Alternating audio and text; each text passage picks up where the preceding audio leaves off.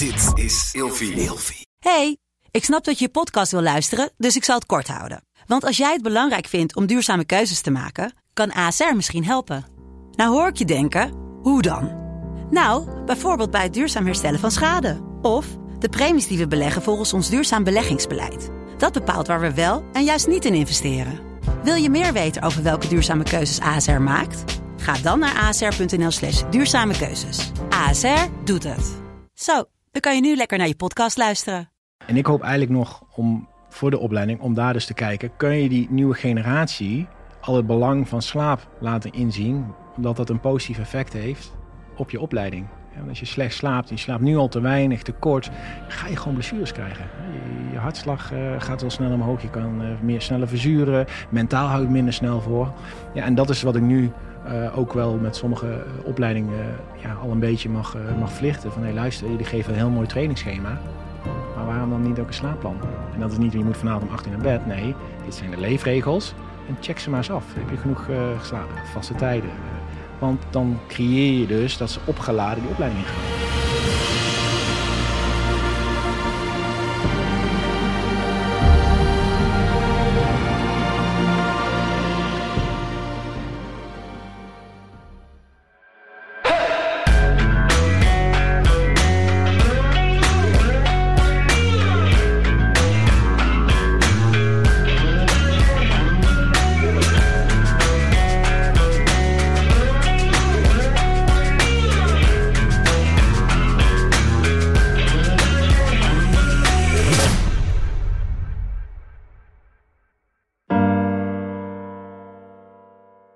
Voordat we zo starten met de podcast, even kort het volgende. Scherpschutters bestaat bijna drie jaar. En al die jaren maak ik met veel plezier en passie deze content voor jullie. Maar nu heb ik jullie hulp nodig. Mijn ambitie voor 2022 is om verder te groeien. Meer content en nog betere kwaliteit. Maar ik wil scherpschutters sponsorvrij houden, zoals we tot nu toe altijd hebben kunnen doen. Geen invloed van merken, pure en authentieke content zoals jullie gewend zijn. Om mij daarbij te helpen kunnen jullie, en alleen als je wilt, niks verplicht, steunen via www.scherpschutters.online. Word lid en geef een eenmalig bedrag, of liever nog, steun ons maandelijks met een klein bedrag. Mijn dank is groot en ik hoop samen met jullie verder te kunnen groeien en nog veel meer gave content te maken. Veel plezier met de podcast. Hey, welkom bij een nieuwe Scherpschutters. We hebben er weer zin in vandaag. Tegenover mij zit uh, Mark Schalenberg. Super tof dat je er bent. Ja, bedankt voor je uitnodiging. ja, we zitten al lekker aan de, aan de thee. Dus uh, het begint wat kouder te worden. Huh? De lekkere theeleutjes. Ja, nou ja, top. Uh, voor degenen die Mark niet kennen. jij bent eigenlijk de, de slaapspecialist van Nederland. je hebt het boek geschreven van slaapbehandeling naar een droomleven. Um, en daar wil ik natuurlijk alles over weten. Ik denk dat dat ook een beetje centraal zal staan. Uh, het slapen, uh, ja, hoe, slapen en met name in verband met jouw verleden. Want jij bent uh, ja, bij de luchtmacht gediend. Je hebt maar liefst vijf uitzendingen gedraaid, waarvan drie keer Afghanistan, Kuwait en ook naar MH17 ben je geweest. Dus een hoop meegemaakt en daar wil je natuurlijk alles over weten. Ja. Dus ehm, ja, laten we eens eventjes uh, bekijken. Want wie ben jij eigenlijk? Ja, mooie vraag. Wie ben ik?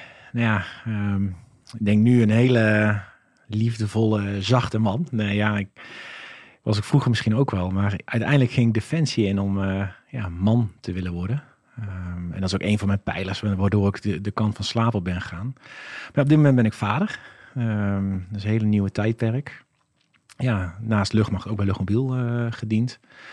Uh, ja, en nu vooral bezig met mensen helpen weer beter te slapen. En vooral dus te gaan kijken wie mag je zijn en welke rollen speel je in het leven. Ja, dus jij bent, jij bent coach en je maakt met name dus die koppeling tussen uh, slapen, bewustzijn. En, en, ik las ook iets op je website over trauma en slaap. Ja, wat ik uh, vooral mee bezig hou is, de meeste mensen komen mij met een slaapvraag. Het, slecht, het slechte slapen. En ik heb gewoon gemerkt, en ook in mijn boek geschreven, dat als je slecht slaapt, is dat vaak het topje van de ijsberg. Het is een uiting van iets. Als we heel lang genoeg niet gaan kijken, dan ga je slecht slapen. Um, Ja, dat begon natuurlijk mee met sport en voeding en slaap. En uiteindelijk bouwde ik het helemaal uit. En zie ik gewoon bij heel veel mensen gewoon ja, verborgen trauma's zitten vanuit hun kindertijd, jeugdtijd.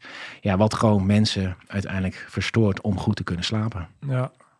Oké, ja, dat is wel interessant inderdaad. Ik merk het ook altijd als ik slechter in mijn vel zit, dan ga je vaak later naar bed en dan ga, slaap gaat dan slechter worden. En dat is alleen maar tijdelijk. En als je dan zegt wat heftigere dingen te verwerken hebt, dat dat dus meteen invloed heeft op je slaapgedrag en uiteindelijk daardoor een soort visuele cirkel ontstaat. Ja, zeker. Ja, ja, vooral dat bij mensen, uh, wat ik vooral zie gebeuren is, iedereen slaapt wel eens een keer slecht. Ook in de week, jij en ik waarschijnlijk ook een avondje wat minder. Hè? Net zoals je niet evenveel honger hebt even elke dag, niet even zin, zin hebt om te sporten. Um, maar als er iets gebeurt, in deze tijd willen we niet meer voelen. En dan bedoel ik van, hey, mijn, lichaam vertelt iets. Wat voel ik? Ja, misschien voel ik verdriet, boosheid, uh, misschien uh, onrust. Ja, in plaats van dat we daarna gaan luisteren, naar die pijn, gaan we het proberen te verdoven. Uh, Netflix, Instagram, nog meer sporten. Ja, en dat gaat zich uiten wanneer op het moment dat we eigenlijk offline willen gaan, tijdens je nachtrust. Hè? Je lichaam gaat zich dan herstellen. Alles wat we overdag meemaken, wilt hij herstellen.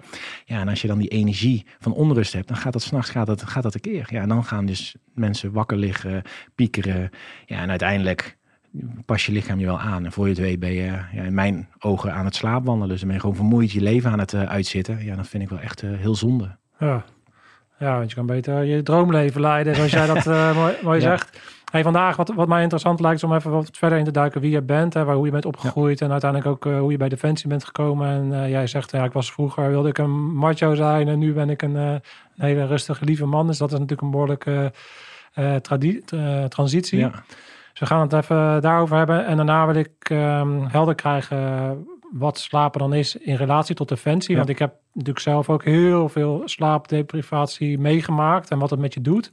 Dus daar wil ik wel een beetje induiken van wat is de cultuur daaromheen en, uh, en vervolgens ook uh, ja, hoe zou het dan wel moeten. Hè? Want dat is uiteindelijk natuurlijk waar jij natuurlijk een sterke mening over hebt. Want jij, Jantje werkt ook uh, bij Defensie nog steeds, hè? of nou, voor Defensie. Zeg nou ja, goed? Ik, nou ja, ik ben een wetenschapper, Pieter. Een hele toffe man is dat. Die heeft mijn, mijn boek gelezen vorig jaar met de kerst. En een manier hoe ik geschreven had over het uh, psychosociale aspect van defensie, maar ook in relatie met slaap. Ja, daar had hij als wetenschapper nog nooit over nagedacht. En um, ja, zo ben ik nu ingehuurd. Uh, en het wordt nu ook verlengd voor komend jaar om dus uh, operatie slaap- en vermoeidheidsmanagement te doen. En ik begon dus bij de, bij de landmacht. Ja, en nu zit ik ook bij de mariniers. Ik, bij de luchtmacht werk ik al samen. Waarschijnlijk volgend jaar ook bij de marechaussee.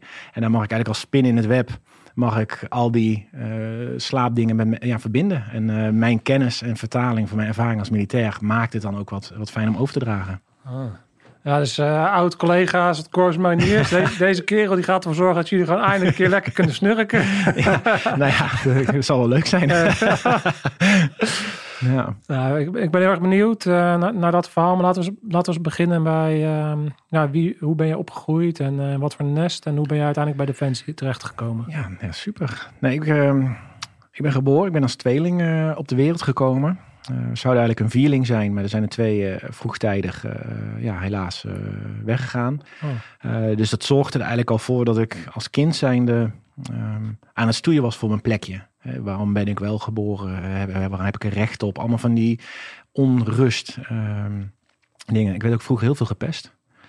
Als kind zijnde. Ik was meer bezig met praten in plaats van in bomen klimmen en ravotten. Ja, en ik was dus eigenlijk op ontdekkingstoer van nou, wie ben ik, wie mag ik zijn. Um, nou, geleerd dat bepaalde pesterijen ook voor kan komen uit, uit bepaalde patronen. Ja, en ik dacht uiteindelijk, ja, hoe kan ik man worden? Want ja, waarschijnlijk omdat ik gepest word, ben ik niet mannelijk genoeg of zo. En ja, en toen ging ik uh, een weddenschap aan om uh, uiteindelijk richting defensie uh, te gaan werken. Dat, dat, klinkt heel erg als een verhaal wat je eigenlijk nu kan vertellen. Ja. Omdat je terugkijkt. Maar toen jij klein was, was je niet met dit soort dingen nee, bezig. Ik was, ik was gewoon aan het overleven. Ik was echt elke dag. Oh, ik, werd, ik werd opgewacht, ik werd gepest. Dus die afstand naar huis was echt. Ja, leek wel vanuit hier naar, uh, naar Groningen toe. Maar ja, ik was echt aan het overleven. En ik was echt. Ik voelde me heel eenzaam. Nou, mijn moeder is echt wel voor me opgekomen. Maar ja, ik, ik, ik, vroeg ook altijd de waarom-vraag. Van waarom word ik nou gepest? Nou, maar, maar, waar was jouw... Je hebt nog één broer dan? Ja, nou, die, die was met zijn eigen battle uh, bezig. En die, die stond niet in mijn team, maar uh, soms ook wel eens in de andere kant van het uh, team. Dus die pestte jou ook? Die stond vaak ja, in groepsverband mee te doen. Ja, en ja, dat was gewoon echt voor mij gewoon overleven. En, en, en ik zeg al, uiteindelijk ging je van school veranderen. Ja, en dan begon het weer. Hoe, uh, kan je eens uitleggen hoe, dat dan, hoe zoiets dan werkt? Want je ziet, uh, als ik jou zo tegenover heb, ik bedoel, je ziet er goed uit. Je, je, ja, je bent sterk. Misschien was je dat vroeger natuurlijk nog, misschien fysiek minder sterk. En, uh, waar komt dat dan door? Want jij zegt, ik praat er dan heel veel, maar heb je niet nee, idee ik, ik, hoe zoiets Ik vond het veel interessanter om met meisjes te praten. Um, in de schoolpauze. Maar ik liep ook niet mee, want het was ook de Australian en Cavello tijdperk. Oh, ja. en ja, en ik bleef gewoon andere kleding dragen. In, dus ik, ik ging niet mee met groepen. En dat is eigenlijk altijd wel een rode lijn in mijn, in mijn leven geweest. Ja. Uh, maar ja, ook dat weer achteraf. Maar ik, was, ik, ik werd echt altijd op een afstandje ja, gepest. Ik had een bril, ik leek op Harry Potter. Nou, die was toen nog niet bekend, Harry Potter. Maar ja, dus ik kreeg altijd woorden. Maar waarschijnlijk was ik ook op zoek naar liefde en creëerde ik ook een bepaalde negatieve aandacht. Uh, waardoor ik ook verstoring gaf in de, in de klas. Ja, dat is... Maar denk je ook uh, was, je, was je eigenlijk misschien ook wat zachtaardig? Ja, Jij bent best wel zachtaardig ik, was een, ik was een heel uh, zacht gekookte eitje. Ja, ik was ja. heel gevoelig. Ja, en, en dat, dat kon vroeger niet. In de zin van een man moest voetballen en, uh, en ber, weet dat, bomen en meiden gingen spelen. Ja, en ik, ik werd meer aangetrokken tot het, het, het praten. Het, het, ja, in plaats van ik ga elke schoolpauze voetballen. Ja. Nou, dat klinkt alsof dan Defensie inderdaad de ideale wereld is om in te gaan. Nou ja. nee, dat is, dat is sarcastisch bedoeld. Ja, maar dat is wel en, grappig, want ik, ik heb best wel veel mannen die het boek gelezen hebben in Defensie zeggen shit man, ik, ik heb gewoon dezelfde journey gehad. Ah, ja, uh, ja heel veel mensen toch Defensie ingaan vanwege een bepaald cultuur, veiligheid. Um, ja, ik ging uiteindelijk als een weddenschap. Ik had toen een, bril en lenzen, uh, maar ik was goedgekeurd voor uh, cluster 4 toen de tijd, commando's, mariniers en Luchtmobiel. Maar ja, omdat ik lenzen had, mocht ik niet. Uh, dus ben ik uiteindelijk naar Luchtmobiel gegaan. Ja, en ook daar was het een, was ik fysiek heel sterk, omdat ik al jaren aan het overleven was. Dus ik was dat gaan opzoeken met sport en, en, en ja, mentaal, mentale weerbaarheid. Maar ik was niet mezelf. Ik was gewoon aan het, aan het ja, ik probeerde als een chameleon er doorheen te komen. Ja. En dat heeft uiteindelijk 14 jaar geduurd totdat ik daar weer uitstapte. Ja, ja maar de, hoe uh, was, je, was je daar dan continu bewust van? Was je dan, had je dan nee. continu het gevoel van, kijk, het, nogmaals, het voelt een beetje van, ja, je hebt natuurlijk uh, daarna het werk gedaan, denk ja. ik. Hè? Dus jij bent niet voor niks coach geworden. Je hebt natuurlijk zelf ja. een, een traject gehad waardoor je nu het gevoel hebt van, ik kan daarmee andere mensen helpen, omdat ik zelf bepaalde dingen heb meegemaakt. Maar toen je daar middenin zat, kan je zoals meenemen naar, naar oké, okay, je, je gaat bij Defensie. En wat, tegen wat voor dingen liep je daar dan aan? Nee, Waren daar dan ook pesterijen of uit nee. dat zich anders? Jij was natuurlijk op een gegeven moment, jij bent ook uh, super sterk, want je hebt ook uh, crossfit gedaan. Dus jij was waarschijnlijk al fysiek inderdaad, iets, straalde je iets anders uit dan wat je dan ja, was? Ja, zeker. Dat is wel mo mooi uh, hoe je dat... ik ging de opleiding in. Um, uiteindelijk behaalde je die zonder al te veel pijntjes en moeite. Um, en het, ik, toen ging ik de medische kant op. Niet de infanteriekant, maar medisch. Want ik hoorde bij de keuring dat ik een rijbewijs kon krijgen. En dacht ik, doe maar, uh, doe maar die functie. En wat ik vooral um, op zoek ging, is naar controle. Dus ik ging mijn controle zoeken in voeding, in sporten. Uh, maar ook een bepaalde rol bekleden. Dus een beetje mensen laten zien wat ik wilde laten zien. Maar van binnen was het eigenlijk gewoon struggle. Ik voelde niet. Ik was gewoon kill. Al heel snel ging ik toen naar Oerskan. Naar de eerste battlegroep. Nou, en dat zorgde meteen voor chaos in mijn zachte kant. Want het was daar met z'n allen in een tent slapen. Uh, het was ge gevaar opzoeken. Ja, dat was ik als, als 18-jarige jongen natuurlijk nog helemaal niet gewend. Wel overleven, maar niet deze kant van de, van de oorlogsvoering. Voering. Ja, je was 18 toen je voor het eerst naar ja. Oerskan moest. Ja, oh, als medici. Um, en uiteindelijk ben ik daar ook s'avonds, omdat we een raket op de base hebben gehad. Uh, en een tweede was een blindganger. Uh, ja, toen begon pas echt de game te spelen van het niet meer willen voelen, maar echt op zoek gaan naar controle. En nog maar meer proberen op missies te komen, nog meer cursussen doen, nog harder sporten om maar niet te hoeven voelen en in een bepaalde rol te hangen. Dus ik, ik ging heel erg ja, macho cultuur proberen uit te hangen. Uh, ja, meteen na de missie, meteen naar een andere eenheid, waardoor ik weer misschien weer mee op uitzending kon. Want het werd een bepaalde ja, adrenaline junkie werk. Ja, en dat ging ik ook dus zoeken in sporten. Dus met crossfit, extreme uren trainen. Ja, helemaal, helemaal, zelf helemaal opgebrand als het ware. Ja, want op zich, jij hebt dan 13 jaar, uh, bijna 14 jaar bij Defensie gezeten. Maar als je vijf keer op uitzending bent geweest, best wel veel. Ik heb dezelfde periode gezeten en ik ben maar twee keer ja. op uitzending geweest. En dan heb ik ook nog vier jaar gestudeerd daarvan. Ja, dus ja. Je, je was echt uh, continu in beweging. Ja. ja. En en ehm, wa- wa- wa- wat zijn dan eh, de, de dingen die je dan eh, meemaakte? Kan je eens eh, wat vertellen over die... Over die eh, wa- waren er dan dingen die je wel... Die wel bij je binnenkwamen bijvoorbeeld? Eh, of was het allemaal maar gaan en gaan Nou ja, en gaan? Ik werd, eh, toen ik mijn beret haalde en mijn eh, medische diploma, gewondenverzorger, toen werd ik meteen bij een eenheid neergezet, eh, twaalfde uh, Delta Compie. ehm, bij de stafcompie heette dat toen. Dus ik werd meteen weggezet bij parate lui die al een uitzending hadden gedraaid. Dus ik kwam daar als 18-jarige jongen, soldaat 2, werd ik meteen bij een eenheid neergezet, die allemaal een keer weg waren geweest. Dus daar begon het gevecht die ik vroeger als kind had, begon weer opnieuw. Want ik was Opboksen. natuurlijk Je moest weer opboksen. opboksen. Ehm, maar ja, ik was natuurlijk de jonkie. Ik werd natuurlijk helemaal uitgetest. Alleen mijn geluk was dat ik heel goed in protocollen leren was. Dus ik kon dat medische, dat ABCD-protocol, ja, dat, dat was ik, daar was ik gewoon geënt op. Daar kon je me s'nachts voor wakker maken. En daar botste ik uh, op, op, op persoonlijk vlak, matchte ik natuurlijk niet met die mannen. Die waren doorgewinterd, staal, uh, borstkast trainen, rennen. Ja, en ik was daar nog steeds die zachte jongen. Maar op mijn werk was ik wel goed. Hè? Want ze gingen me uittesten en ze bleken, oh shit, die protocol die, uh, die beheerst je wel. Maar op, op, op persoonlijk vlak ja, was er gewoon weer een mismatch. Want ik was nog steeds dat zachtaardige jongetje tussen die harde, harde mannen. Later, nu met mijn coaching, heb ik natuurlijk, nu zie ik wel bepaalde patronen van wacht. Sommigen deden het natuurlijk ook voor wat ik later ben gaan worden. Weet je wel, dat harde, dat uh, uitzending. Uh... Maar ja, ik dacht, het zal er wel bij horen. Ik moet hier doorheen komen. En dan wordt het, uh, ja, en voor je het weet, verander je, zijn, van eenheden. En dan begint het weer opnieuw. En uiteindelijk ben ik militair verpleegkundige geworden. Ja, en dan zit je wat meer in de, in de, in de mensen die wat meer hetzelfde zijn als jezelf. Hè? Wat gevoeligere, die meer zorgtaken hebben. Ja, en dat was voor mij een verademing. Maar ja, daar begon ik juist de macho te worden. Ja.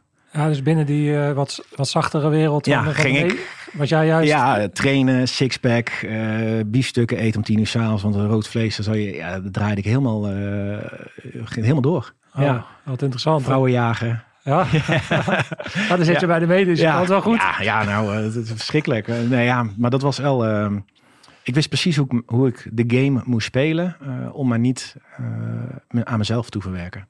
Ja. Dus ik ging ook op zoek naar eh, hertjes in de relatie, zodat ik die, die meiden kon helpen. Uh, zodat ik me niet zelf hoefde te voelen dat ik zelf uh, ja, toch met mezelf aan de slag mocht gaan.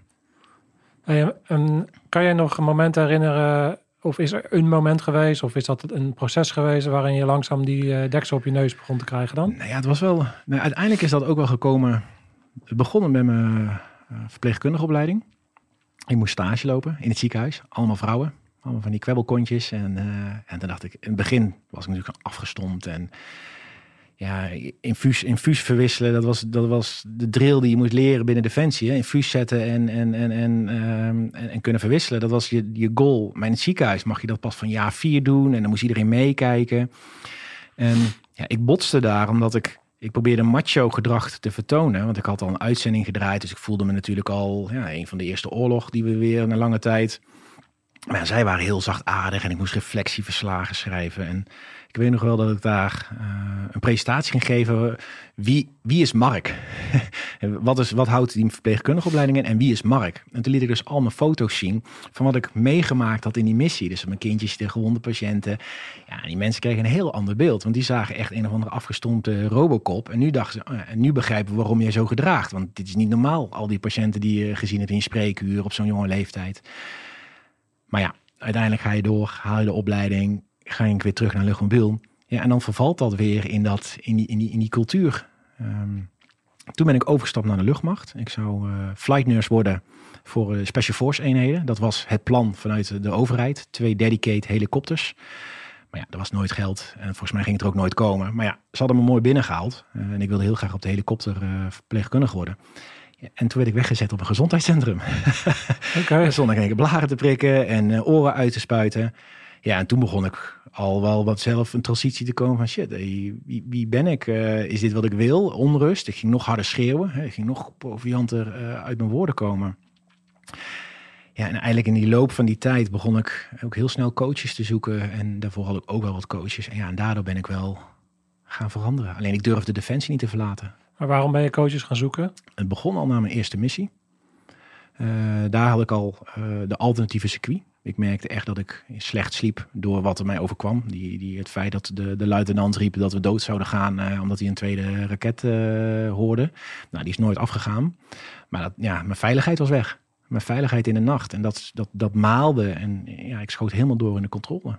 Dus ik, ik genoot niet meer van het leven. Ik ging reizen, maar ik zei van de week nog tegen mijn vrouw. Ik zeg, ik had zo, zo willen genieten van die reizen. Maar ik heb nooit genoten. Ik leefde niet meer in het hier en nu. Hè, wat nu natuurlijk heel veel mensen uh, nu steeds meer mee bezig zijn.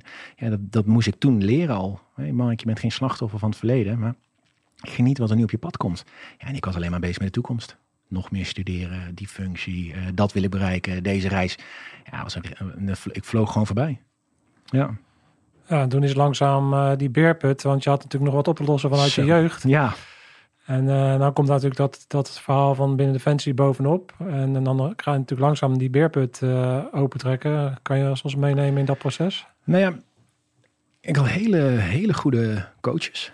Um, die, die gewoon, waar ik echt gewoon de diepte in kon gaan. Um, dus ik, wat ik bij Defensie leerde, hè, gevoel mag er niet zijn, emotie kan je uitstellen. Um, mocht ik nu in één keer voelen wat ik voel. Maar huilen, ik heb echt dagen gehuild. Ik heb van een coach ooit gewoon acht uur lang naar een spiegel moeten kijken. Nou, ik ben helemaal leeg gehuild. Ik keek mezelf aan en, en, ik wilde alleen maar wegkijken. De hele tijd wegkijken. Gewoon niet geconfronteerd worden met, mezelf eigenlijk. Um, uiteindelijk ben ik ook naar de psychedelica gegaan, de, de plantenmedicijn uh, uh, reizen. Ja, en daar kon ik heel veel uh, in healing zetten. Want ja, ik, ik, mijn brein nam alles over. Dus ik, was heel, ik ben heel goed met mijn brein te sturen. Maar mijn hart was gewoon koud en keel. En mijn spieren waren gewoon helemaal kapot van de, van de, van de stress. En wat, wat doet een, uh, een plant? Want dan heb je het over ja. ayahuasca. Ja, ik ben vooral uh, San Pedro en truffels gedaan. Mm -hmm. um, heel veel kennen ayahuasca. Dat is grootvaders. Dat is echt gewoon de hardcore shit. Maar als je er nog niet klaar voor bent, dan zul je zien dat heel veel mensen acht uur lang uh, poepen, kotsen en uiteindelijk nog niks verwerkt hebben. En, uh, dus ik begon met, met, met truffels, uh, DMT um, is een gedeelte van ayahuasca. Ja, en daar zag ik eigenlijk van, als je zo doorgaat, dan stopt het leven een keer met een hartstilstand, vriend. Dus tranquilo, ga, ga er eens van genieten. Ga eens genieten. Stop eens met die prestatiedrang. Maar ik heb ook gewoon uren lopen trillen. Alle spanning uit mijn lichaam. Ik heb echt als een centrifuge door die zaal heen uh, gegaan om ja, mijn trauma's vanuit mijn jeugd, vanuit defensie, uh, stoeien met wie ik mag zijn, om dat los te mogen laten. Ja, ik heb ook wel eens uh, gehoord dat je hebt trauma release exercises. Dat is ook trillen. Hè? Wat, ja. Heb jij een idee wat trillen dan doet met je lichaam? Nou ja, wat ik nu, um, ik ben nu ook heel erg bezig om mensen te helpen met PTSS. is eigenlijk wordt alles opgeslagen in je lichaam. Alles gaat naar je celdeling. Het begint zelfs ook al met de anticonceptie. Als je ouders stressvol leven of angstig leven, geef je het al door in, in, in je celdeling. En als we dus iets meemaken en we willen het niet voelen, stoppen we het weg. En dat wordt dus opgeslagen in je spieren. Dus door die, die, die trillingen, hè, dat kan ook frequentie zijn. Hè, dan, en dan zit je dus, want we bestaan uit frequenties. Ja, dan gaat dat zich, ja, door die trilling kan het loskomen. Uh, dus je hebt ook echt hartfrequenties, je hebt uh, healingsfrequentie, pijnappelfrequenties, alles om, om spierfrequentie. En dat zorgt ervoor omdat het weer uh, mag gaan lostrillen. Je kan vaak met je bewuste brein, kom je niet meer bij iets wat twintig jaar geleden gebeurd is. Want dat zit zo in je, in je spier. Ja, en dan heb je dus door middel van frequenties, kan je dat dus gaan openen. Ja. Ja, voor de mensen die dit luisteren en die dit interessant vinden, zou ik ook weer aanraden om de aflevering met Anne van der Ouwland, uh, Soft Skills voor Tough Guys, uh, terug te kijken. Ik weet niet meer precies het nummer, maar uh, kijk die vooral even terug, want dat gaat ook heel erg hierover. Hè, hoe je soms niet met je cognitie dingen kan verwerken, maar dat je, dat je moet kijken naar alternatieve methodes om tot, tot, tot, diepere lagen te komen. Ja. En ehm, ik weet ook dat er mensen en veteranen nu ook bezig zijn om andere veteranen heel erg te helpen met, met, met de planten. Ja omdat, wat, zoals ik het begrepen heb en zoals ik het zou kunnen zeggen, is dat een uh, psychedelica heel erg ervoor zorgt dus dat je filters weggaan. En die filters zitten natuurlijk heel erg in je cognitie, denk ik. Hè? En dus die, die hebben dan een soort coping, een soort bescherming eigenlijk gedaan. Doordat je dan in zo'n reis gaat, dan ga je eigenlijk heel erg ongefilterd door, op lagen komen waar je normaal niet bij kan. Um, en dat zorgt ervoor dat je dan ja, ten eerste natuurlijk een bewustwording creëert op bepaalde gebieden, maar ook dat je daardoor helder krijgt uh, waar je werk te doen hebt en uh, hoe je misschien dingen in je leven kan veranderen. Ja, je zegt het heel mooi. Kijk, 5% is bewust en 95% is onbewust. En we zijn heel goed om die deurtjes dicht te gooien. Um, kijk, en de meesten die beginnen aan psychedelica en de controle niet los kunnen laten, zullen in zo'n reis ook gaan stoeien. Want hoe harder je controle vasthoudt, hoe minder effect. Uiteindelijk gebeurt er intern van alles. Um, maar door de juiste intenties te zetten, uh, kom je, krijg, je krijgt aan wat je aan kan. Het is niet van nou, uh, dit is het en succes, we stoppen er iets in en dan ga je. Um, zo zag ik bijvoorbeeld dat mijn pesten heeft te maken met een stuk karma uit mijn voorgaande levens. Dus ik heb voorgaande levens wat gedaan en dat, dat zag ik in één keer, dat werd als contra-indicatie met pesten ingezet. Ja, en, daardoor heb ik het kunnen verhelpen om te voorkomen dat het de rest van mijn leven terug aan het komen is. Dat zie ik ook in mijn coaching. Die mensen die vroeg pesten, die op een feit worden ze nog steeds. omdat ze er niks mee aan doen. Ja, ze rennen ervan weg. Ja, en dat is wat ik dus nu ook met, met slapen en trauma's. Ja, je krijgt elke keer die, die, die live events komen weer terug op je pad. Ja, en als je daar niks aan doet, wordt het steeds heftiger. Omdat je volwassen harnas daar iets van vindt. Ja. ja. Oké, ja. ja. Ik vind het altijd, wat ik wel lastig vind, en dan ben ik gewoon heel eerlijk in, is ik kan jou helemaal volgen met als je, als je op het gebied komt van karma, vorige levens. Uh, ook met uh, systeemtherapie kan je dat heel erg zien, uh, wat een invloed generatie op generatie heeft. Ik heb ook wel getracht om dat enigszins een beetje mild te intervisie ja. hier in bepaalde onderwerpen. Maar je merkt natuurlijk wel vaak dat dat een aantal stappen te ver gaat. Zeker als je het hebt over macho cultuur en over ja. mensen die daarin heel erg opgegroeid zijn. Dat dat een aantal stappen te, te ver gaat. Hoe, hoe zou jij... Wat zou jij daarover willen zeggen? En ook in relatie tot het werkveld waar je zit in Defensie. Wat... Nee, dat is wel... Um het is heel, er gebeurt natuurlijk van alles. We, zijn hier als mens, vlees en bloed bedoel ik, en we leven ons leven. Um, en door uh, controle, maar door ook angsten, zijn we uiteindelijk ook geworden wie we nu zijn geworden. Uh, alleen wat, we nu, wat ik vooral nu merk, is dat het de overhand aan het nemen is. Dus we gaan te gecontroleerd proberen te leven. Um, alles gebeurt, zeg ik vaak ook met een reden. Dus nu vandaag hebben we het erover. Uh, dus voor sommige mensen denken van ja, wat is dit voor iets? Uh, het is wat het is. En sommigen denken van hé, hey, dat, dat is interessant. Mm uh, en zo begon het dus bij mij ook ooit. ik had ooit een coach die hierover begon. Toen dacht ik, ja, waar heb je het over? stenen, energie, chakra's. Wow. Totdat ik het wat meer ging toelaten. En dat gebeurt vaak op het moment wanneer je er klaar voor bent. Ja, toen vond ik het heel interessant. En we gingen dingen begrijpen en zien. En nu ook in mijn coaching. Um, maar voor de mensen die nu denken van ja, dit is niks voor mij. It's oké. Okay. Oh. Het, het komt vanzelf. Net zoals die psychedelica. Uh, vroeger moest ik er helemaal ook niks van hebben. Dacht ik, ja, dag, ga ik hallucineren. ben gekke Henkie uiteindelijk toch interessant, een beetje gaan verdiepen, het gaan doen. Nou, de eerste sessie was gewoon in de controle en uh, ik was meer bezig wie de deur in en uitliep uh, naar de wc uh, dan mijn eigen reis maken. Ja, en nu heb ik zoveel mooie dingen kunnen verhelpen en kunnen zien. Wat mij geholpen heeft nu de persoon te mogen zijn wie ik nu ben. In business-wise, in relatie-wise, met mijn kind. Ja, en dat geeft mij heel veel energie om het te mogen vertellen nu. Om, ja, omdat ik hoop dat voor mensen dat zaadje geplant mag worden. En sommigen die doen er niks mee. En de anderen die geven er meer water en dan gaat het groeien. Maar wat ik schrijf het niet meteen af, want dan gooi je de deur dicht. Ja. En, en, dat maakt het. Um, ja, en dat is denk ik ook wat ik met Defensie deed. Uh, emotie uitschakelen. Dus het bestond niet. Nee, en dat is het grotere probleem, ook denk ik nu in deze tijdperk, dat we niet meer luisteren naar onszelf en niet meer voelen. Ja. dus vind je het wel interessant, maar de omgeving niet, ga gewoon zelf op, op onderzoek uit. We leven te veel het leven, eh, en dat deed ik zeker in mijn defensietijd, wat andere mensen van mij vonden. Dus daar ging ik als een chameleon, eh, was ik me de hele dag aan het aanpassen.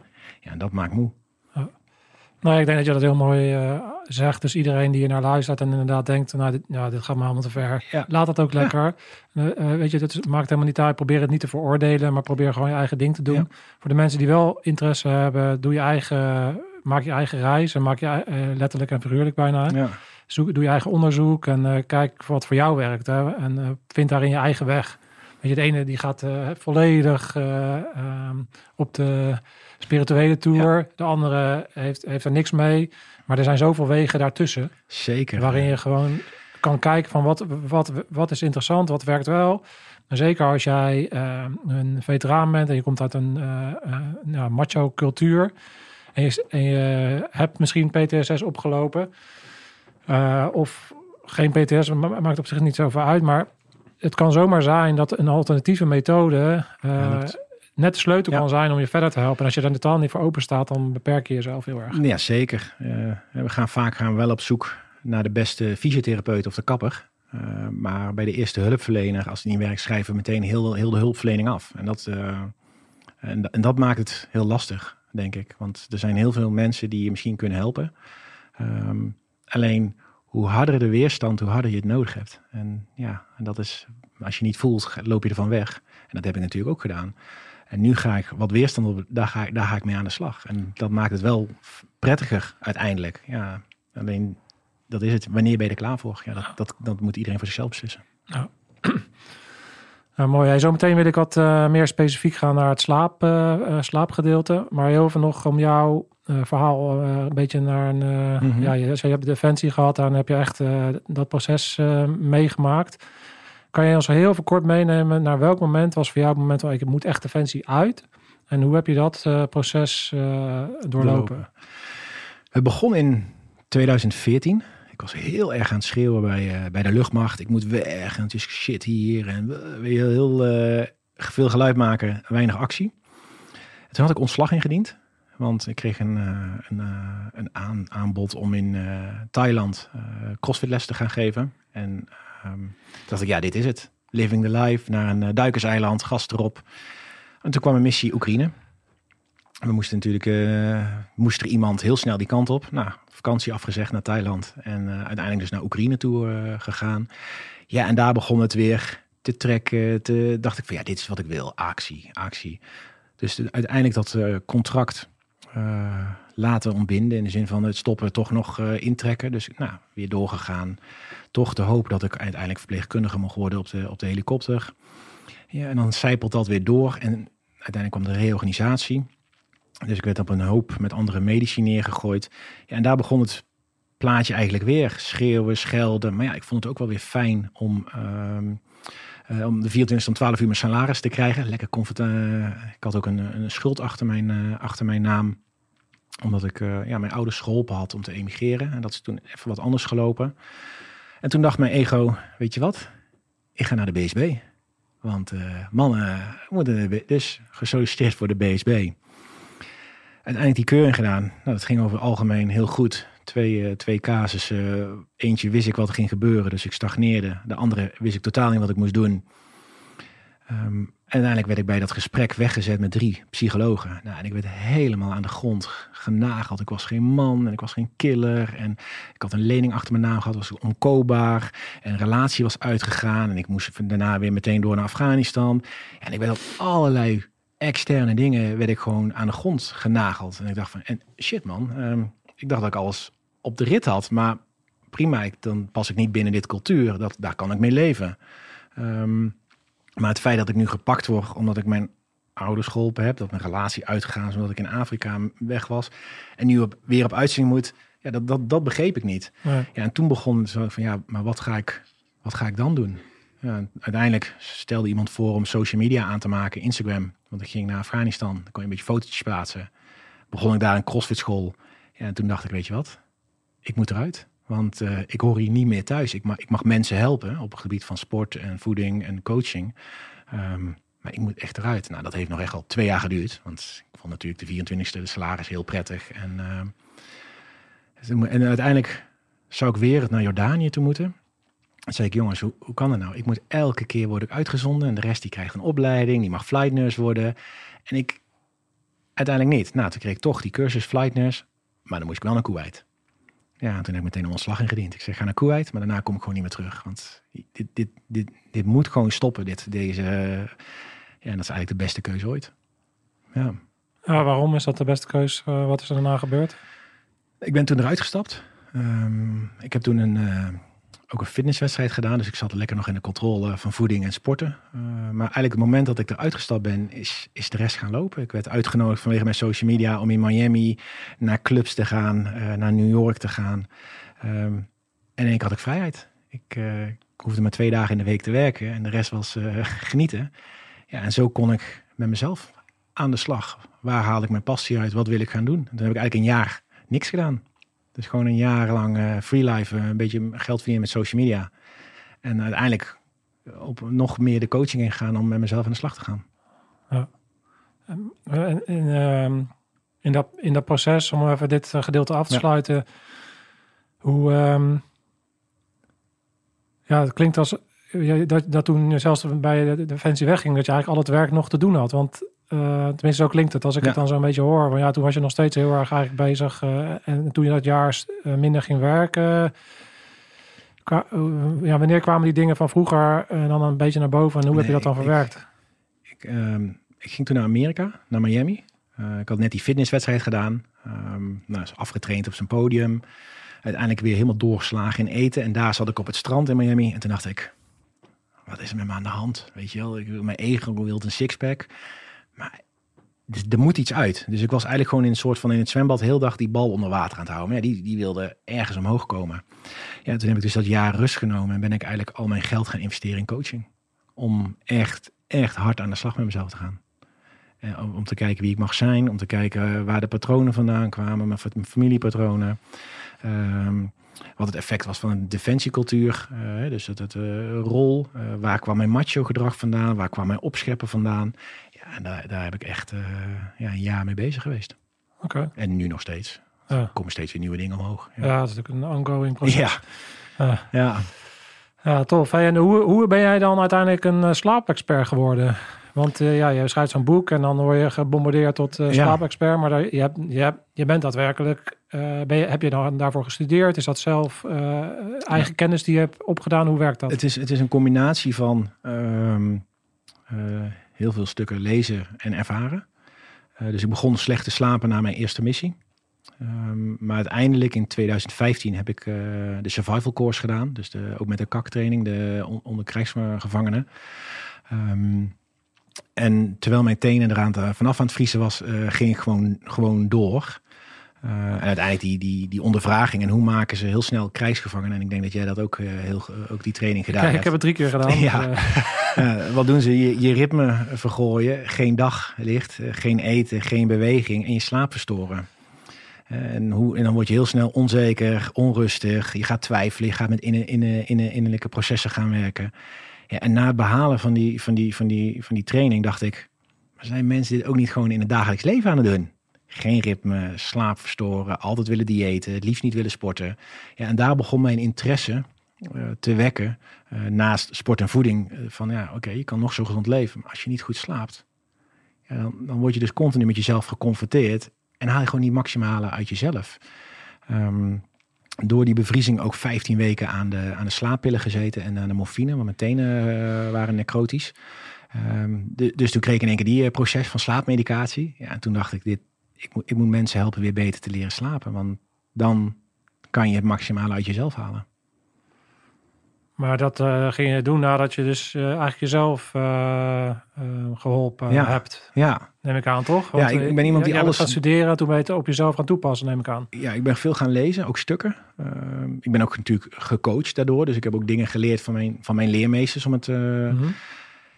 Ja, en ik, ging en ik zag steeds vaker bij mijn personal training eh, mensen... en ik heb ook in Ibiza personal training gegeven... zag ik dat mensen slecht sliepen. Dus ik werd continu geconfronteerd met mensen van... ja, ik slaap slecht, eh, moet hard werken. En ja, en daarna dacht ik van dit is, dit is mijn, mijn missie. Mensen van die slapeloosheid afhelpen. Om uiteindelijk te mogen zijn wie ze willen zijn. Dat klinkt natuurlijk lekker. eh, maar ik zag echt die mensen die ik ging helpen daarin... doordat ik ook heel veel onderzoeken ging lezen... en, en artikelen en coaching eh, studies ging doen.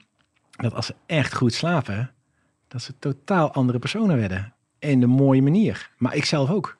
Want ik ging in één keer goed slapen. Ik kwam aan mijn voldoende uren, eh, routines. Ja, heerlijk. Ik vlieg nu echt heerlijk de dag door. In plaats van dat ik vermoeid eh, ja, aan mijn dingen aan het uitstellen was. Oké.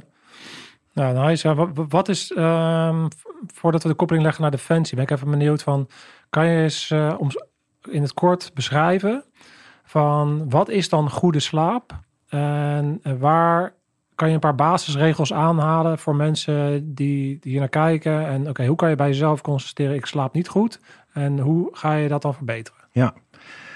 Nou ja, goed slapen is natuurlijk een heel lastig begrip. Uh, maar voor volwassenen, na hun achttiende wil je eigenlijk het liefst tussen de 7 en de 9 uur. Ja, we zijn vanuit die 8 uur positie gekomen. En dat heeft te maken met de industriële tijdperk. Uh, 8 uur slapen moeten we en de rest is werken, want dan verdien je geld. Uh, maar tijdens je nacht ga je gewoon door verschillende slaapfases. Licht, diep en rem. Een soort droomslaap eh, noemen ze dat. En dat proces heb je nodig om dus alles wat je overdag meemaakt, fysiek, mentaal, om dat te herstellen. Dus hoe korter je slaapt, hoe korter je herstelperiode. Je- die diepe slaap zorgt voor, eh, hormoonhuishouden, spieren, eh, detoxen. En remslaap is dus alles wat je meemaakt op je harde schijf te kunnen plannen. Maar ook om het gevoel van eh, gedrag af te halen. Dus stel wij maken iets mee, zometeen, de, de, boel breekt hier. Jouw remslaap gaat ervoor zorgen om dat gevoel daarvan af te krijgen. Dus wat zie je vaak bij mensen met PTSS? Die houden gevoel bij situaties. Dus er komt een, klal, een knal en ze worden meteen teruggenomen in. En dat is wat je remslaap eigenlijk wil gaan doen. Ehm, en dat klinkt natuurlijk heel leuk. Alleen we zijn opgevoed vanuit onze industriële tijdperk om meer te werken, minder te slapen. Want dan kan je geld verdienen. Dus er zijn financiële waarden achterna gegaan ten koste van slaap. Alleen dat gaat dus ook ten koste van je, je producti- productiviteit, eh, meer ongelukken, snellere bestuurders, eh, meer liegen. Eh, we worden euforisch als we weinig Wat ik, ook, slapen. wat ik ook merk is dat ik slechter eet als ik weinig slaap. nou ja, makkelijker, dat ik Snel, meer craving heb ja, voor... en, dat, en dat heeft te maken met je hormoonhuishouden en je brein. Je, je brein kan geen suikers opslaan. Dus die gaat brandstof zoeken, want hij moet overuren maken. Maar ook de hormonen leptine en ghreline. De ene zorgt voor verzadiging en de andere voor hongergevoel. Die verstoort. Dus je krijgt alleen maar honger. Dus dan eten we ook gemiddeld 400 calorieën meer per dag. Wat op jaarbasis gewoon 10 kilo lichaamsgewicht is. Afhankelijk naar hoe actief je bent. Dus voor de mensen de tips is vooral regelmaat. Dus ga rond dezelfde tijdstip naar bed. Sta rond dezelfde tijdstip op, maar ook eten op dezelfde tijdstippen. En dat is wel een, nu in de cultuur heel lastig, waardoor je dus continu gevuld wordt met stresshormonen. Eh, een avondroutine. Dus bouw je dag af, zodat je lichaam en je brein een seintje krijgt om dus tot rust te komen.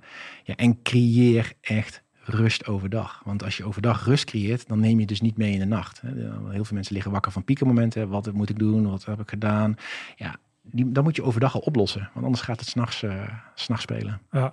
Nou, ik weet zeker dat er nu een aantal eh, politieagenten aan het kijken zijn. En denk, ja, klinkt allemaal leuk, uh, Mark. Maar uh, ik heb mijn werk ja. is onregelmatig. Of, of mensen in de zorg. Kan je eens advies geven voor als je, uh, hoe je dan dat aanpakt? Nou ja, ook daar gaat hij proberen uh, een regelmaat te creëren. Dus met, regelmaat in de onregelmatigheid. Ja, regelmaat in onregelmatigheid. Okay. Um, maar wat ik vaak ook gezi gezien heb, en dat is iedereen, is dat mensen die onregelmatig werken, gaan leven naar de werksituatie. En daar bedoel ik mee, hè, je hebt dagen vrij, je hebt uh, je, je, dus die routines sluipen erin. Maar werk jij nachtdiensten, dan adviseer ik altijd om die dagen echt over in te zetten voor slaap, herstel en beweging. Wat ik vaak merkte ook in mijn coaching, dat die mensen juist op de nachtdiensten overdag van alles gingen doen en dan staan ze weer die nachtdienst in. Um, maar dan komt ook een gameplan uh, met voeding te kijken. Dus ook probeer op vaste tijden te eten. Ga je de nachtdienst in, dan begin je nacht echt eiwitrijk. Geen vetten, geen koolhydraten, maar echt vooral eiwitten, want dan word je wat alerter. Dan midden in de nacht wat meer koolhydraten erbij, dus nog een beetje eiwitten. En 's ochtends vroeg, voordat je naar huis gaat, een banaan om te zorgen dat je veilig naar huis komt. Een kleine maaltijd. En zorg dan dat je een goede slaapkamer hebt. Dat het donker is, geen afleiding, waardoor je dus aan die uren slaap kan komen. Want de meeste mensen uit nachtdienst komen niet aan hun minimale slaap. Die halen eens niet eens zes uur. Dus sta je 3-0 achter. Het nadeel van ons lichaam is, is dat als we slecht slapen, dan gebeurt er hetzelfde als op die iPhone. Als hij op 20% komt. Dus dan gaat hij in de, in de, de, de donkere mode, gaat hij trager. We kunnen die, die fotootjes allemaal niet meer uploaden. Maar je lichaam past zich aan. En daardoor gaan we dus vermoeid, uh, gaan we door. En dus vooral voor de mensen die, die onregelmatig werken, creëer regelmaat in een onregelmatig leven.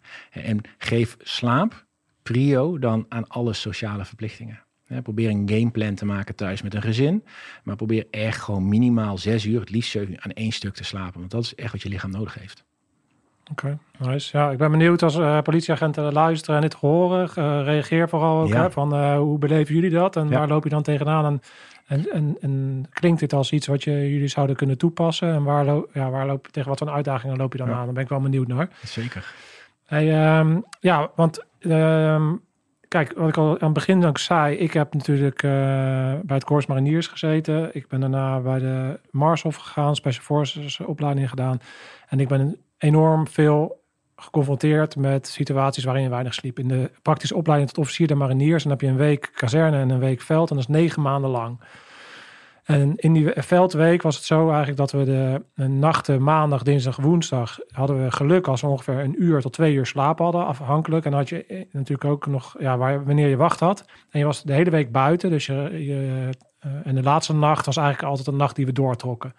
Dus als ik dan vrijdag, we mochten niet met de auto, maar als ik dan vrijdag in de auto zat, eh, of in de, auto, in de trein zat, dan viel ik gewoon letterlijk in slaap eh, bij een vre- vreemde vrouw eh, op, op, Ja. op de schouder met de slijm uit mijn mond. Dus dat was, heel erg ongemakkelijk voor mensen. Naast alle walmen die waarschijnlijk nog van me afkwamen. En gelukkig zaten we met meer mensen, maar dat was natuurlijk altijd een hilarisch ding. En dan kwam ik thuis en dan, toen woonde ik nog bij mijn moeder, bij mijn ouders. En dan eigenlijk boven het bord pasta viel ik letterlijk, letterlijk in slaap. En ik heb, ik heb echt eh, hallucinaties meegemaakt. Ik heb situaties meegemaakt waarin je letterlijk aan het marsen bent. En dan ga je door je knieën en dan kijk je en dan zie je dingen die er niet zijn. En vervolgens eh, binnen een seconde kon ik in slaap vallen. Ja. En ik kon zelfs in slaap vallen terwijl ik met jou aan het praten was. Ja. Dus in, in- als we in de bus kwamen, eh, warm, weet je, van, van de kou Ja. naar de warmte. Dus dan ben je, dan ben je echt leuk eh, eh, naar de kloten qua slaaptekort. En ik wil het daar even met jou over hebben. Van, ehm, ik beg- begrijp heel goed de functie. Want je kan namelijk slaaptekort inzetten. Omdat je uiteindelijk als oorlogsmachine eh, gebouwd wordt. Hè, en ook oorlog, oorlogsorganisatie bent. En ik zie, ik zie daarin twee dingen. Ten eerste zie je dat als je in Afghanistan in het, in het gevecht komt, dan kan je niet altijd bepalen wanneer jij slaapt. Dus je moet, je moet leren, en in ieder geval leren ervaren wat het is om weinig slaap Ja. te hebben. Dat is één. Eh, dus daarin heeft het een functie. Het tweede is dat op het moment dat jij ehm, sta- niet stabiel bent en je, eh, als je één ding wil, is dat je toch mensen hebt die onder allerlei omstandigheden kunnen, kunnen werken, dan kan slaapdeprivatie mensen over het richeltje duwen. Ja. Dus het is ook een, een methode om aan de boom te schudden, zoals we altijd zeggen. Omdat je dan gaat zien, mensen gaan, je gaat toch, je gaat meer aan jezelf twijfelen. Je komt sneller in de ring van, waarom, waarom ben ik hier eigenlijk? En dat wil je, want je wil mensen testen van, oké, als jij nu die twijfel hebt, als je een paar uurtjes niet geslapen hebt, hey, dan wil ik jou niet naast me hebben op het moment dat we onder vuur komen door de Taliban. Want dan wil ik gewoon dat jij al, de, al die fases al doorlopen hebt en precies weet waarom je hier bent. En, eh, en eh, ja, weet je, dan bouw je oorlogsmachines. Dus in die zin heeft het een functie. Maar, dan komen we bij de maar, en dan ben ik natuurlijk even benieuwd naar, naar jouw verhaal. Ik denk dat we binnen Defensie daar natuurlijk een beetje in doorgeslagen zijn, omdat je ook ziet dat het eigenlijk in de vredeshuishouding ook doorgecijbeld is in de cultuur. Hè? Het is ja, slaapgelul. Ja. Weet je wel, het eerste waar Ja. gesleuteld wordt is slaap. slaap. Dus ik ben even benieuwd naar jouw Nou reactie op mijn verhaal. Ja, ja, je zegt het eigenlijk precies zoals ik het ook eh, zou zeggen. Ehm, het is een hele goede methode om te kijken welke vlees heb ik in de kuip. Eh, w- hoe staat deze in het leven? Wat kan die aan? Eh, maar slaapdeprivatie, ja, die, als je die symptomen leert kennen, kan je daar je voordeel uit halen in oorlogsgebied. Alleen wat nu nog steeds de dag van vandaag is, is dat het een, een leerdoel is geworden. Dus we zetten het heel vaak in, terwijl je kan slaapdeprivatie niet trainen. Je kan niet met steeds minder slaap eh, doorgaan. Nee. Dus wat je inderdaad ziet, of nou bij de mariniers of AMOL of de gewone opleiding is, ze beginnen vaak met sla- weinig slapen. Die eerste hè, bivak, eh, het is allemaal nieuw. Alleen we leren niet meer wat wel goed slapen is. Dus hoe kan ik in vredessituatie of op de base naar een bepaalde inspanning weer mijn slaap in orde te krijgen. En ja, uiteindelijk kom je in die, in die cultuur. Hè. Eh, we hebben ook vanuit eh, Defensie, maar ook vanuit de burger, geven mensen die weinig slapen, geven een bepaald podium. Elon Musk is daarin veranderd, maar ook eh, Gary Vee, die riepen vroeger, ah, je slept drie hours, eh, weet je wel, miljoenen verdient. Nu zeggen ze allemaal, nee, maar ik slaap acht uur. Ja, want het is lekker makkelijk. Als je heel veel geld verdient, je ook zeggen dat je weinig, weinig heel veel mensen volgen dat. Terwijl die gaan dan nooit dat doel halen. En dat is binnen Defensie zijn er bepaalde culturen. Dus, dus vroeger sliepen we drie uur in de opleiding, dus nu wordt het ook van je verwacht. Alleen ja, heel de generatie is veranderd. Hè, de, nieuwe jeugd de nieuwe, slaapt al te weinig. Dus die, die, die zijn al gevoelig voor blessures, pijntjes. Emotioneel zijn ze wat minder sterk. Maar ze worden nog wel gescreend op wat we 20 jaar, misschien al 25 jaar geleden eh, van, van ze verwachten worden. En natuurlijk zijn er wel aanpassingen gedaan. Ehm, ja, en daardoor zie je dus best wel veel mensen afvallen. Of dus, eh, eh, hoe zeg je dat? Ja, die mogen echt met zichzelf aan de slag. Maar ja, als je dan dus net zoals wat ik heb gehad, daar niet, niet, niet gaat doen, ja, dan word je gewoon een tikkende tijdbom. Ja. Ja, ik denk met name dat Defensie daarin wat zou kunnen doen in het eh, duurzaam inzetten van personeel. Want ik denk dat het met name als je mensen langer binnen wilt houden, eh, dat je moet een cultuur creëren waarin het mogelijk is om slaap de, mensen in te zetten in omgevingen waar slaapdeprivatie is. Ja. Want als er een ramp gebeurt en je moet naar Haiti, ja, slaapgelul. Ja. We moeten nu mensen helpen en we moeten dan weten hoe we zelf functioneren onder slaaptekort. En gewoon rammen. Want dan moeten we gewoon een paar weken misschien eh, gaan tot het gaatje. Maar als je het kijkt over iemands carrière Ja, en je dan eigenlijk continu natuurlijk in, in zo'n... nou ja, Omgeving je zegt natuurlijk heel mooi.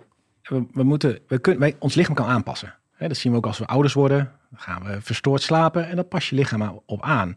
Ehm, alleen je ziet de ouders die blijven daar de rest van hun leven in hangen. En je ziet ouders die daarna gaan herstellen in slaap en uiteindelijk die rust vinden. En binnen Defensie moeten ze knallen. Eh, en dan heb ik het natuurlijk nog niet zozeer over de Special Force, want die hebben natuurlijk weer een heel andere gameplan. Ehm, daarna hebben ze misschien heel even verlof, verlof, een week of twee. En daarna wordt het weer verwacht dat ze weer een oefening gaan eh, en dat soort dingen. Maar ook nu de nieuwere missies, en dat zie ik nu, omdat ik nu weer binnen Defensie mag. Ja, het is veranderd. Het zijn nu wachtmissies, het is allemaal rustig. Hè. Er komt ook nog meer bore-out bij kijken, verveling. Ja, en als dan ook nog je slaap niet goed is, ja, dan word je echt geconfronteerd met jezelf. En als je dan zes maanden ergens zit op een vliegstrip waar niks gebeurt, eh, maar je wordt toch wakker gehouden omdat een bepaald cultuur heerst, ja, daar ga je op duurzaamheid, ga je mensen verliezen. Ja, ik kan me helemaal voorstellen als je zo'n wachtmissie hebt en dan ik weet al precies hoe het gaat. Hè. Dan gaat dan zo'n planning en dan is het gewoon eh, schrap, schrap, schrap. Oh ja, die lui die kunnen wel gewoon eh, de nachtdienst pakken en dan eh, een week op en een week, weet je, zo, zo, Ja. zo. Ja. Maar als je dat dan praktisch uitvoerbaar gaat bekijken wat dat betekent, dat, dat je dan gewoon een weerslag op, een, op personeel trekt van hier te Tokio. Zeker, heel de, heel de bioritme gaat aan gorden. Eh, zeker hoe, ouder worden, hoe lastiger het wordt. en sommige mensen kunnen dat echt extreem goed. Hè. Die kunnen heel goed aanpassen, maar ook heel snel weer herstellen. Ehm, en dat zie je bijvoorbeeld ook in de zorg en in de politie. Er- zit ook een financiële waarde aan eh, als je nachtdiensten draait. Dus voor sommige mensen die eigenlijk vroege vogels zijn, ja, die, die blijven toch die nachtdiensten draaien aan dat het moet. We hebben natuurlijk overal een tekort. Maar het lichaam zegt gewoon van ja, luister, we moeten gewoon in bed liggen, maar je moet nu actief zijn. Ja, en dat gaat je lichaam pas aan en uiteindelijk krijg je daar vaak problemen, gebeurt er iets, en emotioneel of, of mentaal. Ehm, terwijl nu zijn ze onderzoek aan het doen in het ziekenhuis, laten ze mensen dus eh, een diensten draaien op hun voorkeur en één keer minder ziekteverzuim. Alleen ja, het, het stukje geldaspect, hè, want ik krijg voor mijn nacht niets meer, ja, houdt mensen toch nog om dat te gaan doen. Ehm, Binnen Defensie wordt natuurlijk van alles van je verwacht. Je wordt militair, dus moet je alles, alles blijven doen. Weinig slapen, veel slapen. eh, Ja, daar zie je vaak dat de financiële factor dan is van eh, zodra we dan op oefentoelagen zitten, dan mag je ineens Ja, mag alles, schap weg. alles weg, weet je wel. Dus, dus oefentoelagen, je krijgt gewoon eh, die 34 euro, wat is het? Dus ook weinig slaap. Ja. Punt. Want weinig slapen is afzien. Afzien is een goede oefening draaien of een goede opleiding. En dan krijgen we mannen die we willen hebben. En ja, ik denk heel goed voor de boomschudden en een mentaal eh, proces. Maar op een gegeven moment moet je ook keuzes maken eh, om, om slaap niet in te meer te zetten als een, als een leerdoel. Ja, ik zal je ook even meenemen naar zo'n tafereel. Hè? Als je dan in zo'n opleiding zit, en dan heb ik het over een Mars-opleiding bijvoorbeeld. eh, dan ben je dus de hele nacht eh, op kaart en kompas oefening. Dan kom, als je, als je, nou, ik was gelukkig goed, dus ik pakte dan nog wel een uurtje snurk of twee. En dan kwam je om een uur of twee terug, spulletjes preppen. En dan drie uur eh, was ik klaar. En dan eh, om zes uur eh, was het ochtendsport. Dus heb je, dan pak je drie uurtjes slaap. Nou, en daarna, na de ochtendsport, is het even vreten in je, in je hoofd drukken. En dan vervolgens krijg je de eerste les. Ja. En dat kan dan bijvoorbeeld een les zijn die dan ineens statisch is. Dus dan moet je gaan zitten en dan moet je naar een ander vent gaan zitten luisteren die best wel moeilijke procedures gaat uitzitten Ja. leggen over rendezvous points of weet ik veel wat, weet je wel. En, en dan, natuurlijk gebeurt, is lui vallen dan in slaap. Ja. En, ehm, en dan word je, eh, ja, als je dan in slaap valt, dan moet je eerst gaan staan. En dan gebeurde het ook wel dat ik dan, eh, of iemand ja. anders dan staand in slaap viel. Hè, dan val je heel dat om. Dan word je in de, in de tank eh, water eh, ge- gevrot en dan blijf je wel even, even wakker. En dat is natuurlijk super grappig. Het heeft ook hele grappige tafereelen. Maar, maar het slaat natuurlijk, als je kijkt dan, je wil dus eigenlijk dat mensen heel veel leren. En vervolgens ga je ze dus niet laten slapen. En vervolgens ga je ze de- iets aanreiken qua stof. Die heel belangrijk is uiteindelijk om, om je werk uit te voeren. Het is natuurlijk totale waanzin eigenlijk. Zeker. Om in zo'n, op, op die manier met je mensen om te gaan. Nou ja, het lijkt wel of we dit van tevoren hebben afgesproken, maar dit is nu hetgene wat ik dus ook vertel eh, binnen Defensie. Luister, jullie verwachten dat, dat in een korte periode heel veel moet leren. En wat is de grootste boosdoener van niet je stof kunnen opslaan? Is slaaptekort. Als je, als je 18 uur eh, wakker bent, dan heb je dezelfde concentratie, coördinatie als iemand die, die 0,5 millimol alcohol op heeft. Nou, dat is strafbaar in Nederland. Eh, als je 18 uur wakker bent, dan onthoud je nog maar 30% van de opgedane stof. Terwijl in het vak wat jij moet doen, echt wel dingen moeten leren die in oorlogsomstandigheden zeker heel belangrijk zijn. Dus het is goed om, om die, die, die boom te schudden. Maar ja, nu zien we bij sommige opleidingen eh, zien we al een verschuiving van slapen en dan de, de stof aanreiken. En die mensen onthouden het gewoon veel langer. Ja. Die gaan ook een stukje veiliger werken. eh, hè, want door te kort slapen, eh, als je twee nachten niet slaapt, is hetzelfde als 14 dagen niet aan je acht uur komen. Je wordt euforisch, je ziet je fouten niet meer. Ja, dat is denk ik vooral voor Special Force ook gewoon heel gevaarlijk. Ja. Alleen, het, het, het is nodig omdat je bepaalde omstandigheden hebt. Ik bedoel, ik, ik, kan die, ik kan daar wel roepen dat ze acht uur moeten slapen. Maar de vijand gaat niet tegen jou zeggen, "Hey, jongens, kom over acht uur, want eh, jullie hebben je slaap nodig. Nee, ja, zo werkt het gewoon niet. Nee, maar dat is dus, eh, dus op het moment wat ik net beschreef over zo'n situatie van in zo'n les zitten. ehm, dan wordt er eigenlijk het slaaptekort op een verkeerde manier ingezet. Ingezet, waardoor je eigenlijk, want je hebt al, eh, dat weet ik ook, want het is altijd, natuurlijk wordt altijd gesnoept aan opleidingsperiodes. hè. Het moet altijd korter en er moet altijd meer in een kortere tijd. Dus, het, dus dan op een gegeven moment proberen ze natuurlijk een soort van, eh, van een 30 weken opleiding, proberen ze in 20 weken te verrotten. En Ja. dan moet natuurlijk ook alles en dan is er geen tijd meer om te slapen.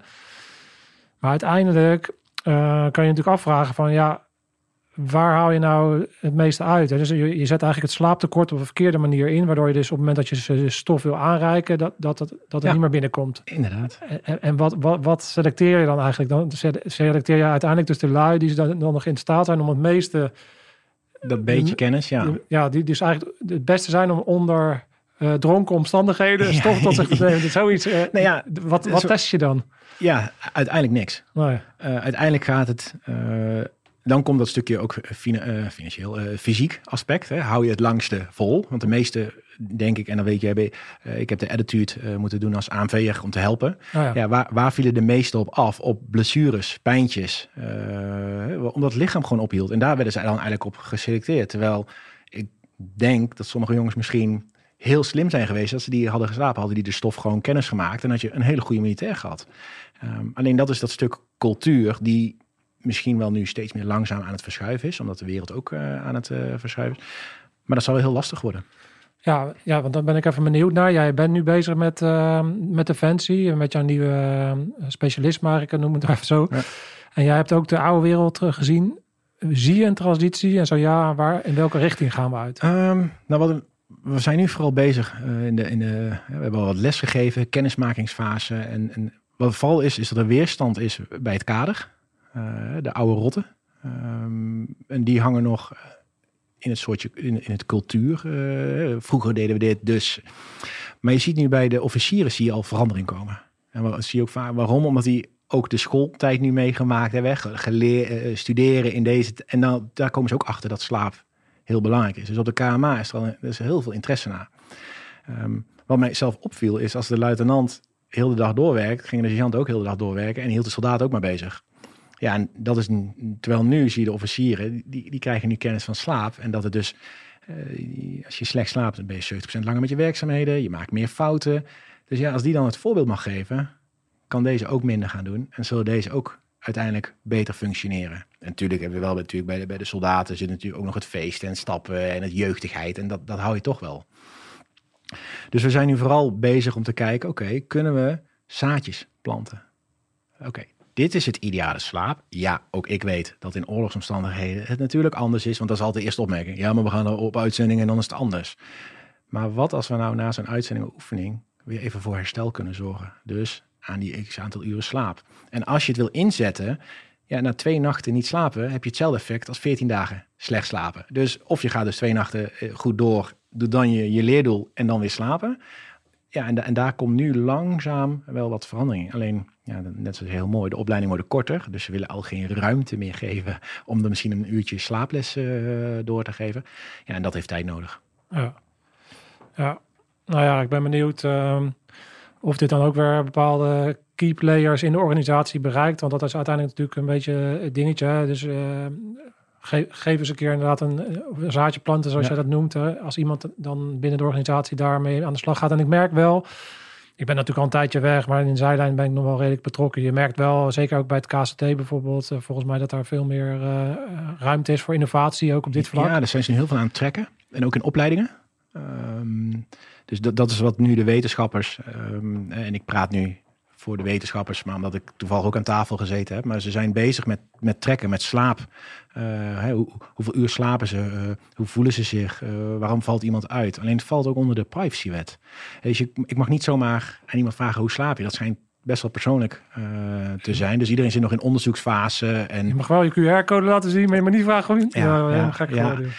Um, dus, maar dus je ziet vooral in die... In die um, nu in de opleidingsdag zijn ze nu, ja, dan heb je ideaal test mensen. Ja. en, en, ik hoop eigenlijk nog om voor de opleiding, om daar dus te kijken, kun je die nieuwe generatie al het belang van slaap laten inzien, dat dat een positief effect heeft op je opleiding. Ja, als je slecht slaapt, je slaapt nu al te weinig, te kort, ga je gewoon blessures krijgen. Je, je hartslag uh, gaat wel sneller omhoog, je kan uh, meer sneller verzuren, mentaal houdt minder snel voor. Ja, en dat is wat ik nu uh, ook wel met sommige opleidingen ja, al een beetje mag, mag vlichten. Van hé, hey, luister, jullie geven een heel mooi trainingsschema. Maar waarom dan niet ook een slaapplan? En dat is niet, je moet vanavond om 18 naar bed. Nee, dit zijn de leefregels. En check ze maar eens af. Heb je genoeg geslapen? Vaste tijden. Want dan creëer je dus dat ze opgeladen die opleiding ingaan. Dus hebben, in mijn ogen hou je ze dan ook veel langer in de opleiding. Ja, ja interessant. Ja, ik denk dat het uit... Eh, het woord is al vaker gevallen in deze podcast. High performance. Hè? Dus je probeert uh, natuurlijk optimaal omstandigheden te creëren. En dan is het eigenlijk bizar dat je wel kijkt... nou, okay, hoe bereid ik me fysiek zoveel mogelijk voor... En, um, en mentaal zoveel mogelijk voor. En dan ga ik allemaal boeken lezen, weet ik het allemaal niet. Maar dat je dan het slaapgedeelte, wat uiteindelijk gewoon uh, een derde van je dag uh, normaal gesproken zo'n beetje is, ja. ga je, neem je dat niet mee. Dus eigenlijk, eigenlijk is het logisch.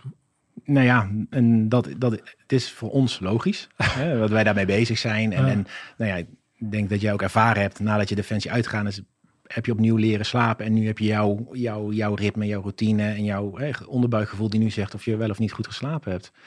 Um, alleen, ja, net zoals, het wordt als een leerdoel ingezet. Het is vanuit de, vroeger eh, is weinig slapen gaf een bepaalde status.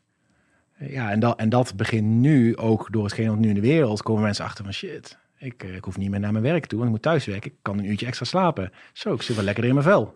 Ja, en, en, dat, nu komt in één keer veel meer uh, awareness naar uh, alleen maar rusten, dat het slaap belangrijker is. Ja, ja. ja mooi. Nou, ik ja, heb in ieder geval mij sowieso al wat... Ehm, ik vind het in ieder geval heel interessant in relatie tot defensie, wat je allemaal vertelt. Dus ik ben heel erg benieuwd of, of je daar met jouw missie ook meer in beweging gaat krijgen de komende jaren. Uh, laat ook vooral weten als je binnen Defensie werkt. Uh, zien jullie daarin ook verandering of uh, ja. zie je dat helemaal ja, niet? Als ze interesse hebben om, om te spreken hierover. Ja, neem contact met jou op. Huh? Nou, dat is wat we nu nodig hebben binnen Defensie. Het, het gebeurt langzaam. Het is natuurlijk weerstand, maar waar weerstand is, is natuurlijk mogelijkheid voor groei. Ja. ja. Mooi. Ja, dat zei je al, waar de meeste weerstand zit, is de meeste kans voor groei. Ja, hè? ja. mooi. Hey, we gaan langzaam richting de afsluiting. Wat ik... Uh, nog even benieuwd ben, het laatste stukje is dan, oké, we hebben defensie gehad, we, hebben jouw leven gehad, we hebben defensie gehad, we hebben het slapen uh, gehad. Um, hoe, uh, zit je, jij bent nu ook onlangs vader geworden. Kan je ons heel even nog kort meenemen naar hoe is jouw leven nu? En met alle uitdagingen die er zijn. En hoe hou jij dat allemaal in balans? En uh, wat voor tips heb jij daar voor mensen voor een ja, zo bewust en gelukkig mogelijk leven? Ja, ja nu twaalf weken vader. We slapen heel veel. Um, mijn kind echt in routine. Dus we werken echt met slaaptijden en wakkertijden. Uh, en wat ik vooral echt nu ben gaan doen, en dit is natuurlijk ook voor de mensen die. In, in, ik ben echt naar de ja-nee-vraag. Dus elke dag sta ik op. Heb ik hier zin in? Ja, nee. En dan bedoel ik niet zo zin in het leven, maar wat ik ga doen. En um, ik doe nu echt dingen vanuit mijn, mijn passie en waar ik echt gelukkig van word. Dus deze podcast, hier word ik echt gelukkig van. Tof om samen met jou te verbinden. We hebben wat meer contact. Ja, dan geniet ik daarvan. Maar daar plan ik ook heel mijn dag voor. Het is niet dat ik een red race heb, dat ik hiervoor nog allemaal... Daar ben ik echt mee uh, gestopt. Uh, en, ik, en ik jaag ook niet meer... En dat heeft denk ik de meeste balans gebracht, is... Uh, ik jaag niet meer de financiële waarde na. Dus ik had heel het idee dat ik heel veel geld moest verdienen, zo snel mogelijk. Maar ik ben nu veel gelukkiger met wat ik nu heb. En dat is tijd met mijn kind en met mijn vrouw. En dingen mag doen met de mensen waar ik gelukkig van word. Uh, en voor de mensen die daar dus mee aan het stoeien zijn, is ga gewoon eens kijken wat levert mij energie op en wat vreet me energie op. En dat kan ook in vriendschappen zijn, in werk zijn. Ja, en dan mag je dat gaan doorbreken. En dat is natuurlijk heel eng, dat is een rouwproces. Ja, en sinds ik dat gedaan heb, ik heb echt 99% van mijn leven geschrapt. Um, Serieus? Nee, zeg je 99 procent? Ja, ja, ik ben echt helemaal terug naar de, naar de kern gegaan. Uh, vrienden gedag gezegd. En wie weet komen ze ooit nog weer op mijn pad. Maar het, het leverde me niks op. En dan is niet zozeer van hij moet mijn huis komen schilderen. Maar ik dacht echt van oké, vind ik het waard om hier mijn tijd aan te geven? Maar heel vaak dacht ik, oh ja, ga erheen, helemaal enthousiast. En dan ging ik daar weg en dacht ik van, hmm, het heeft me energie gekost, heel veel. Uh, maar ook met mijn werkzaamheden. Dus ik, vloog vorig jaar overal naartoe. Uh, en nu ben ik uh, gedowngrade in, uh, in drieën, maar ik ben wel drie keer zoveel meer gaan verdienen. Omdat ik echt nu ben gaan doen wat ik wil gaan doen. Dus vaker nee zeggen zorgt voor veel mooiere ja's. Um, ja, en dat, en dat geloof ik ook, of het nu binnen Defensie is of buiten Defensie. Of, ja, het mooiste cadeau die je hart kan geven is je passie volgen. Uh, en en dat, ja, dan mag je even door rouwproces heen om dingen los te gaan laten. Ja, dat zijn, ja ik vind dat heel mooi. Vooral ook wat je zegt, hè, dus door eigenlijk ja, wat mij, bij mij heel erg blijft hangen van hetgeen wat je zei, is inderdaad hoe harder de weerstand, hoe uh, groter er eigenlijk de, de dingen liggen die, uh, ja. die je moet leren. En daarin dat je ook aangeeft dat juist door die dingen te doen, dat je dus als je dat financiële loslaat en je juist dingen gaat doen, dat je dus uiteindelijk dan ineens ook meer gaat verdienen. Dat is echt zo. Dat hoor je wel eens vaker, maar jij hebt dat echt ervaren ook. Ja, ja ik, ik, uh, ik ben meer gaan slapen. Uh, dus ik, ben, ik kom echt, ik ga s'avonds nu om, om, om negen uur, half tien naar bed en om half zeven sta ik op.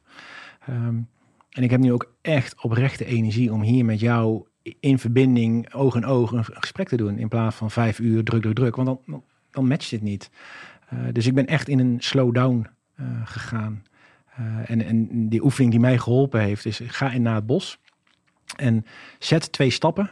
Adem vijf seconden in adem vijf seconden uit en zet weer twee stappen. En, en, en doe dat maar eens 100 meter. En dan zal je zien dat je zo in een slow-down moet. En dat het biedt zoveel weerstand. Want je denkt, ik moet, uh, ik moet die 100 meter halen. Uh, en toen dacht ik, ja, meer rust maakt een gelukkiger leven. En nu de tijd met mijn kind ook. Ja, ik werk nu nog maar twee dagen in de week.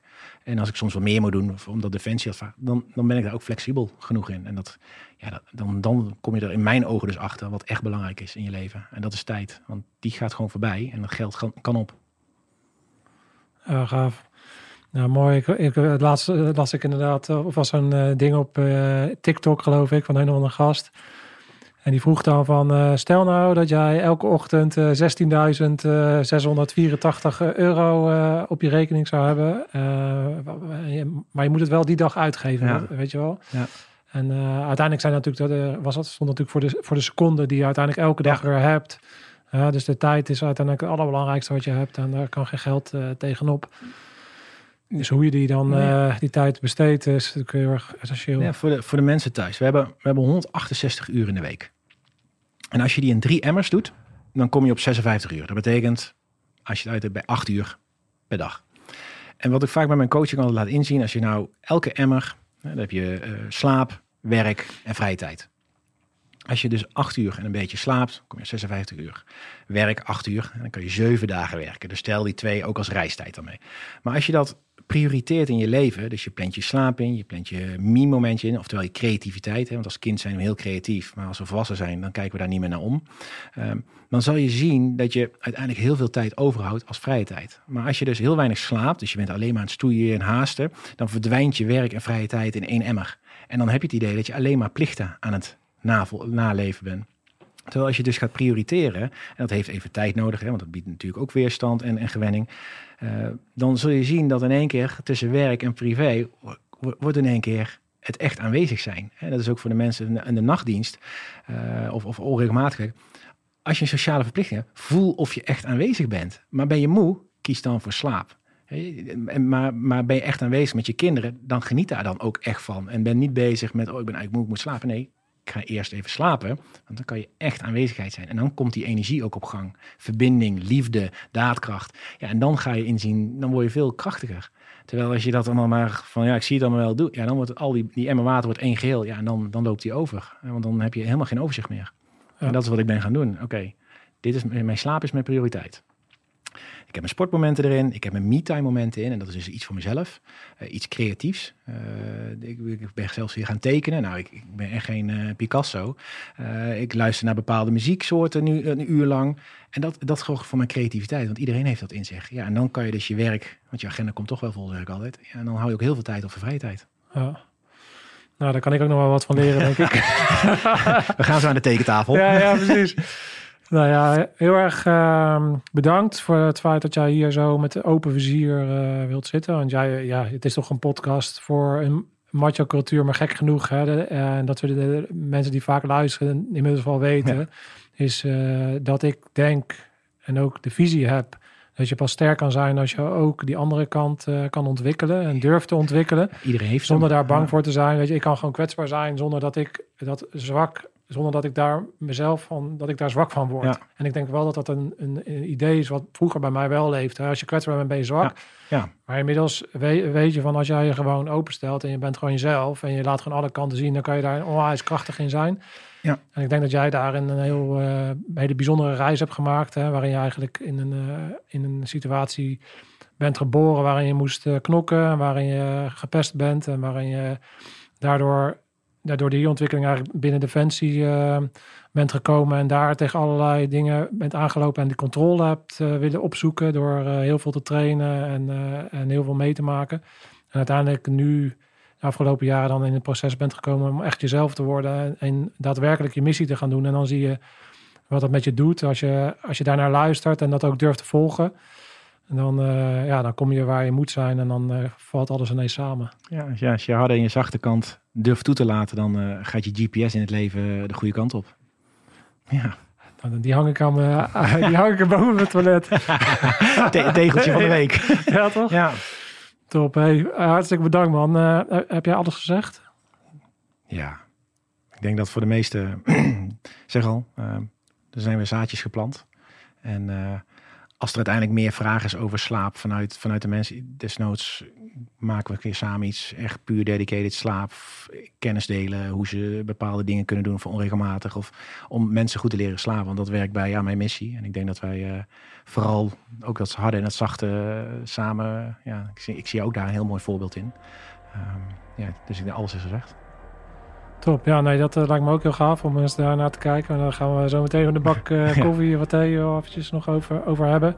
Ga Mark vooral volgen. En check ook even eens een keer zijn- zijn we- zijn website uit. En voor nu hartstikke bedankt. Thanks. Maar het was hem weer, jongens. Mooie aflevering. Vergeet niet te abonneren. En jullie kunnen lid worden via www.scherpschutters.online. En daar kan je nog additionele extra content ook vinden. Dus eh, bedankt voor het kijken en tot de volgende keer. Scherpschutters, uit.